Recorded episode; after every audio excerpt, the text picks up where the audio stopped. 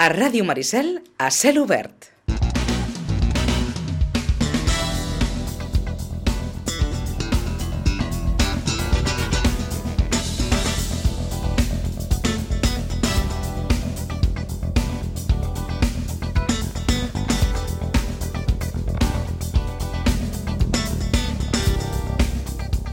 Doncs eh, durant tota aquesta temporada hem anat eh, tractant diversos, diversos temes amb la- amb l'oficina, amb, la gent de l'oficina de l'atenció ciutadà de, de l'Ajuntament de Sitges, amb la seva responsable, amb l'Andrea Peinado. Andrea, bon dia. Hola, molt bon dia. I avui fem una miqueta, si et sembla, fem una miqueta de, de repàs d'aquelles qüestions que hem anat tractant durant, durant aquest any i que, i que poden ser d'interès, perquè, perquè és això, a vegades, moltes vegades, acostar-nos a, a, aquests, a, a l'organisme públic sempre, sempre tira una miqueta enrere, perquè dius...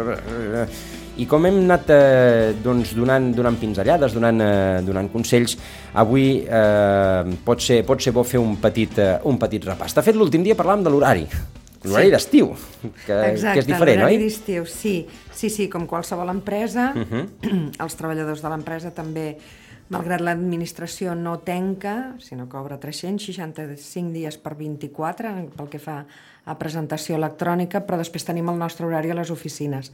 Com que comencen vacances, doncs el personal agafa vacances i aleshores reajustem una mica els horaris. L'horari de- d'estiu, que va començar l'1 de juny i acaba el 30 de setembre, és de 8.30 del matí fins a dos quarts de 3 de la tarda. Tant l'oficina de Sitges com l'oficina de botigues com l'oficina de Garraf. D'acord, l'hor- l'horari és el mateix a les tres oficines de, de l'OH de Sitges. Sí, Uh, I ens comentava l'Andrea, mm, els ajuts socials continuen vigents, o sigui, continuen vigents, continuen, continuen uh, obert el termini de presentació per a aquests ajuts. exacte. Com cada any comença l'època d'estiu i comencem amb els ajuts de llibres, que ja ha finalitzat el, el termini, perquè el Departament de Serveis Socials treballi durant aquests mesos perquè al setembre eh, puguin ja estar les resolucions favorables o desfavorables i poder continuar eh, amb, amb, amb el termini. Em, després dels ajuts de llibres vam començar, ara encara estem amb els ajuts per a famílies monoparentals i nombroses. Eh, hi ha famílies que tenen la doble situació. No vol dir que cobraran el doble, sinó que és o amb una condició o amb l'altra. I aquest ajut finalitza el 30 de juny. Vale? Uh -huh. eh, quan acaba el 30 de juny, comence... just una miqueta abans, el 27 de juny, comencen els ajuts per pensió no contributiva i pensions mínimes per a aquelles persones que tenen una situació econòmica d'una pensió que no arriba a un mínim i que aleshores poden demanar aquest ajut entre el 27 de juny i el 27 de juliol. Val? Durant un mes. Durant un mes, exacte. I eh, ho fem així una mica perquè no, no, no conflueixin tots els ajuts i hi hagi un, una demanda superior al, a, a, a l'encabida que té l'oficina en aquest moment. I quan acaben eh, els ajuts per pensió no contributiva, començarien els ajuts per persones, per famílies amb un membre amb una discapacitat superior al 49%. Val? I aquest comença el l'1 d'agost i finalitza el 2 de setembre. També és un mes.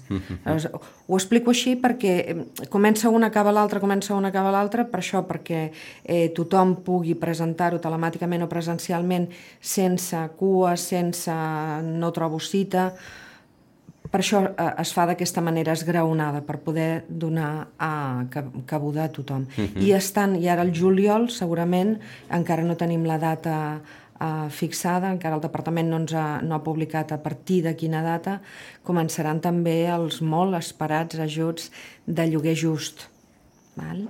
D'acord. I serà això, està al caure, però no, no, no vull dir una data perquè de vegades del, de la feina que fan els departaments surt algun imprevist i s'endarrereix una miqueta més. En qualsevol bueno, cas, serà- s'informarà, evidentment, Sí, en el sí, moment sí. Que, que ja hi hagi la data fixada, i aquí també ho direm, eh, els, els ajuts, com deies, el- els del lloguer just, que, que doncs espera molta gent, però, però el que ens comentava l'Andrea, els de llibres ja han acabat, eh, ara mateix eh, hi ha en marxa els de famílies eh, monoparentals o famílies nombroses, i després, un cop acabin aquests, els de pensions no contributives i pensions mínimes. Eh, de tota manera, si tenen qualsevol dubte, poden trucar a l'OAC, poden consultar la pàgina web de, eh, de l'Ajuntament, allà doncs s'especifica mm, per, per això, per, per, per qualsevol dubte, a l'hora de presentar, a l'hora de la documentació necessària, que evidentment és una documentació exigida per poder sol·licitar determinats eh, ajuts, doncs saben que eh, poden sempre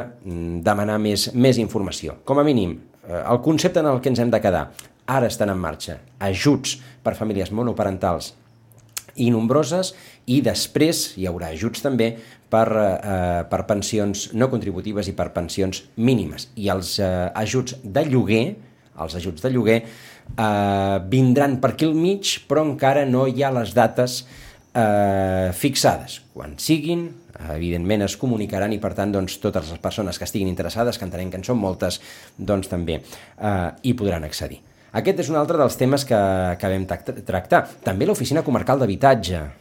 Sí, exacte. L'Oficina Comarcal d'Habitatge que depèn um, de l'Agència de l'Habitatge de, de Catalunya, de la Generalitat. Aquest servei eh, s'atén amb cita prèvia els dimarts i els dijous durant tot l'any. És possible que hi hagin uns dies on, on una setmana on no hi hagi atenció perquè, per les vacances del personal del Consell Comarcal, però són ajuts que eh, si no es pot accedir a l'ajut municipal hi ha aquesta altra via de la Generalitat, de l'Agència de l'Habitatge, representada en, la, en el territori pel Consell Comarcal, que tenen dimarts i dijous eh, al carrer Nou, número 12. Mm -hmm. Per tant, doncs, la gent de l'Oficina Comarcal de de l'habitatge que es desplacen doncs, perquè no calgui anar a Vilanova al Consell Comarcal a, a tramitar aquest, eh, aquest tipus d'ajuts eh, que, que doncs, té eh, competència al, al Consell Comarcal. Sí, m'agradaria eh, remarcar una cosa.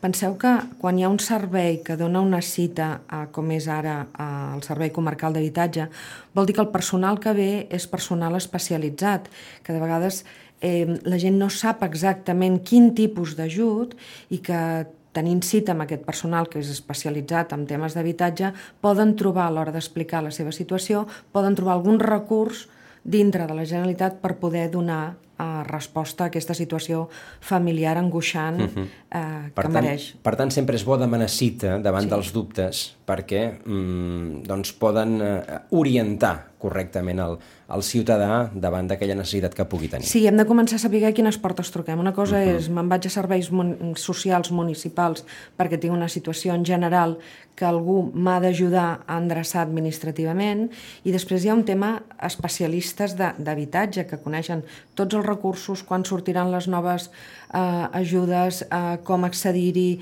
eh, analitzen molt millor amb un tema molt concret, focalitzen perquè és un tema d'habitatge, una necessitat d'habitatge, com puc pagar-ho, eh, com puc accedir? Eh, i aquesta porteta existeix i és important que se sàpiga per no anar per l'administració dient a qui m'ho diran o a qui m'ho han de dir. Eh, més especialització lamentablement doncs, eh, anem a caure això en portes molt especialistes perquè ataquem un problema molt concret un problema d'habitatge. Correcte, Aleshores... però per tant doncs és, inter és mm. interessant que les persones que puguin tenir aquest problema mmm, demanin específicament eh, atenció a, a, en aquests especialistes, en, en aquestes persones doncs, que, es, que es desplacen des, de, des del Consell Comarcal perquè són les que poden donar resposta re, eh, de, eh, a totes les qüestions que, que la Generalitat tracta. Saben que la, la Generalitat doncs, eh, té molts ajuts i moltes, eh, moltes Molt qüestions, molts recursos relacionats amb l'habitatge i, per tant, doncs, eh, persones... Sí, per, per això no, no hem de confondre. Eh? L'Oficina d'Atenció Ciutadana sabem una miqueta de tot i no gaire de res. Mm en el sentit Això que com els periodistes. Exacte. no som especialistes ni en immigració ni en habitatge i de vegades les atencions que ens demanen és allò, i, i vostè què faria? Nosaltres no assessorem, nosaltres informem, però evidentment com que no som personal especialitzat, eh, és possible que alguna cosa se'ns quedi -huh. eh, en el tinter. Aleshores, per això remarco la necessitat de trucar a la porta adequada perquè la cita sigui més profitosa. Uh -huh. Una altra qüestió que vam, que vam tractar fa, fa uns quants dies, al mes de febrer, van ser les queixes. Mm. Que, bé, un clàssic. Sí. Un clàssic. Tot, tothom té queixes. Sí, sí, som un, un, una cultura que ens agrada molt queixar-nos. No uh -huh. tenim, així com hi ha altres cultures que les, se les acusa de tenir molta capacitat de sacrifici, uh -huh. nosaltres tenim molta i una gran capacitat de queixes està bé queixar-se, perquè una queixa és una oportunitat per poder solucionar un tema que potser a, a l'administració mm, se li ha passat per alt. Vull dir, jo no, no, no voldria que la gent pensés no, no, és que clar, com que sempre ens queixem, sempre ens queixem i no ens fan cas. Una queixa ha, ha d'estar motivada, i com a totes les ciutats, la queixa, i no dic res de nou, la queixa mm, més profunda és la de la via pública, la de la neteja Uh, jo no justificaré o mm, equilibraré la balança, però sí que és veritat que es fan esforços i es prenen decisions que de vegades no són a gust de tothom. També sabem, perquè ho hem recollit i així ho hem vist, que, per exemple, l'estiu passat hi havia moltes queixes dels contenidors, me l'han posat sota la finestra, com és que me'l posen a davant de... El Departament de Via Pública ha intentat donar resposta a totes i cadascuna de les sol·licituds. Això no vol dir que es puguin acomplir totes, perquè és complicat el tema. I que sigui complicat no vol dir que es deixi estar, vol dir que se segueix treballant i s'intenta treballar sense perdre la il·lusió i les ganes de donar resposta a totes aquestes queixes, perquè és evident qui millor pot saber el que li provoca un contenidor que el que té la finestra a sobre del contenidor. Uh -huh. Això per descomptat. Però quan ens queixem sí que és veritat que que de vegades perdem la motivació de la queixa. dir, és, és com quan dius un insult, no? Mm, ja està, l'has deixat anar i t'has quedat tan tranquil. Home, motivar una petició, motivar una queixa, sempre serà més, més ben vehiculada, més ben escoltada, perquè si no és l'exabrupte per l'exabrupte, no? Em queixo i tot ho fem malament. Home, no és la voluntat i, i, i qui ho pensi o ho digui és que desconeix en profunditat la feina que es fa per darrere. Aleshores, jo sempre aconsello el mateix quan algú mm, es presenta a la UAC eh, intentant desfogar-se, evacuar tot el seu mal humor. Eh, motivi-ho, motivi-ho, faci un, un, una queixa i l'ajudarem, eh? Vull dir, estem ajudant a presentar queixes motivades, allò, expliqui'm exactament a on està ubicat, què és el que li passa, sí, a quina molta, hora... Moltes vegades allò, ciutadans, que la frustració, darrere la frustració arriba un punt que, que, ja, no, que ja no veu sortida i, i, i aleshores doncs esclaten. Sí, ens instal·lem en, aquest, en, aquest, eh, en aquesta queixa contínua i som poc respectuosos amb la feina dels altres mm. i això passa a tot, a tot arreu, eh? Jo trobo cada vegada sí, més no? que hi ha molt poc respecte per la feina de l'altre. Mm -hmm. Però sí, però això, això passa a, a, a botigues i és un clàssic. Exacte, també. exacte. Si només ens instal·lem amb la queixa, no, no, no, no ajudem, no contribuïm a millorar. Uh -huh. I el que ens falta com a societat és això, un, unes ganes de, de tirar endavant. Hi ha, hi ha moltes xarxes eh, on la gent també col·labora per dir, escolta'm, no tens raó perquè van fer això, això i això. Vull dir que hi ha una part de la societat que està molt conscienciada de que les coses no són uh, únicament queixa, la queixa per la queixa. Uh -huh. Però sí que és veritat que aquesta falta de respecte trasllada això un desgast, uh, és poc motivador, has d'aprendre a destriar molt bé la palla del gra per poder continuar treballant i, i no, no, no ajuda. Uh -huh. Aleshores, jo l'únic que demano, quan, ja et dic, quan algú es presenta a l'OH eh, intentant eh, desfogar-se és que la motivi, que expliqui exactament la seva situació perquè aleshores el departament podrà treballar amb la direcció correcta o li respondrà, això no vol dir que generem expectatives, això vol dir uh -huh. la, la situació és aquesta i a partir d'aquí, si vostè la motiva, és possible que i a lo millor té raó i tot. Exacte, i a lo millor fins i tot té, té raó, raó, però eh, li demanem l'esforç, perquè clar, l'Ajuntament no pot estar a totes les cantonades, mm -hmm. a tots... Vull dir, s'ha fet un treball previ i a partir d'aquí es va treballant amb, amb diferents direccions, no? Però, però sí, sí, a lo millor té raó i endavant. Un altre tema que vam, que vam tractar, la identitat digital, mm. eh, molt necessària, cada cop més necessària per tenir aquest accés 365-24 que ens comentava abans l'Andrea, és a dir, per poder en qualsevol moment entrar material perquè, eh, perquè pugui ser registrat correctament per part de l'administració. Sí, l'Ajuntament va fer l'esforç fa 3 anys, va fer un, un salt el 8 eh, ja portàvem temps preparant, però tot i això eh, les transformacions costen. Vale? No, no són perfectes en aquest moment, però sí que en aquest moment podem eh, entomar qualsevol petició que ens entri digitalment i a més a més contem amb el suport d'un servei que qualsevol persona que se senti perduda pot trucar de 8 del matí a 8 de la tarda, que és OH 360, perquè l'ajudin o a descarregar-se un certificat digital o no entenc el que diu la plana i jo el matí amb els horaris que fa l'administració la, pública, jo no puc trucar puc trucar ara a la tarda. Doncs aquest servei eh, el vam contractar per això, per poder donar resposta a aquest temps vam preveure que seria complicat per un, per un gruix important de la ciutadania. Són èpoques de transició i a les èpoques de transició els conceptes, els noms, eh, la terminologia moltes vegades ens, ens desorienta ens cansa perquè hi ha prou difícil que és la vida del dia a dia de cadascú, que, sinó que a més a més ara l'administració ha decidit que jo ho faci des de casa meva. Bé, preveient tot això, eh, hi ha les línies de telèfon de, de l'OAC de dilluns a divendres de 8 30, 14.30, però també hi ha aquest servei.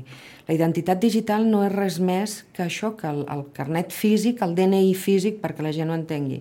El DNI físic que tots portem a la cartera, doncs aquest, aquesta era ens està portant una identitat, un DNI digital, que no té forma, que no és una targeta, que no, no el pots tocar físicament, sinó que eh, te'l descarregues en el teu ordinador, si decideixes que sí, que vols tenir el certificat digital, i també hi ha l'altra opció, tenir una identitat digital mòbil, que vol dir que a través del teu mòbil tu demanaràs una contrasenya, i et facilitarà una contrasenya perquè puguis fer aquell tràmit, únicament aquell tràmit.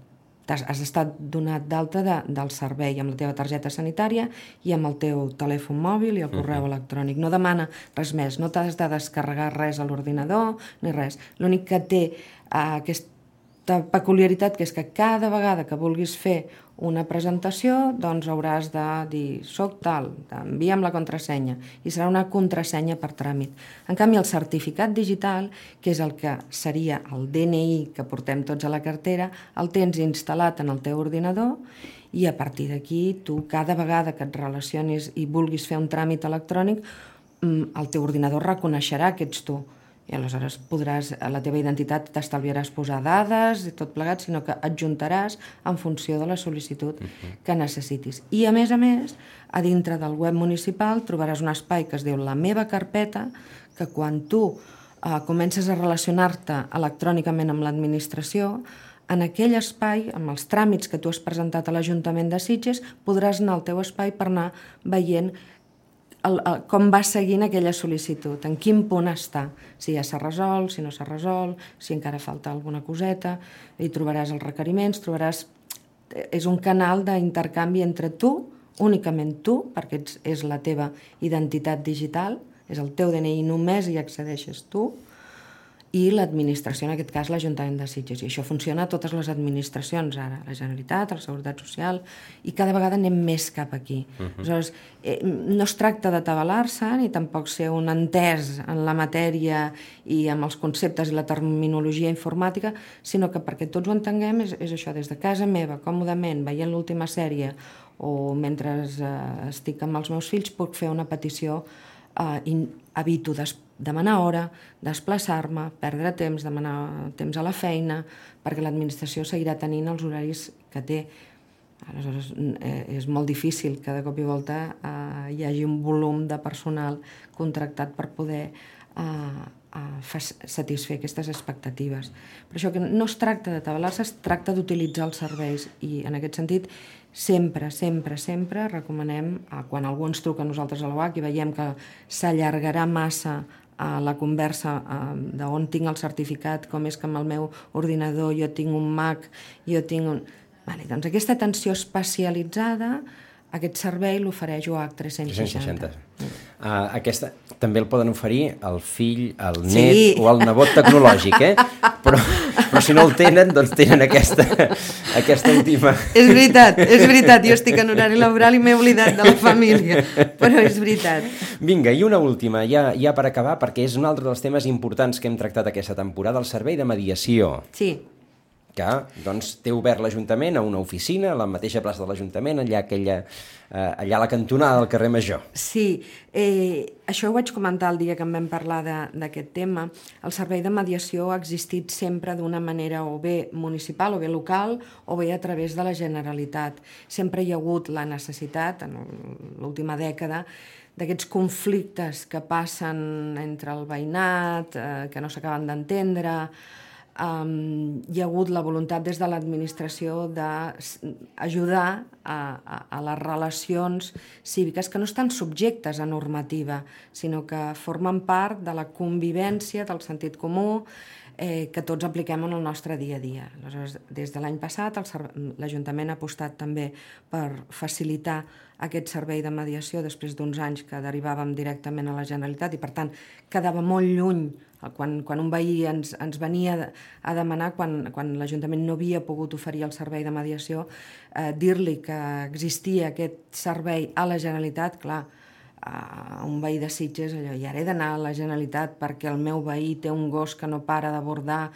i que malgrat que li he explicat ja de totes les maneres possibles, era, és un despropòsit, ha de ser molt més proper.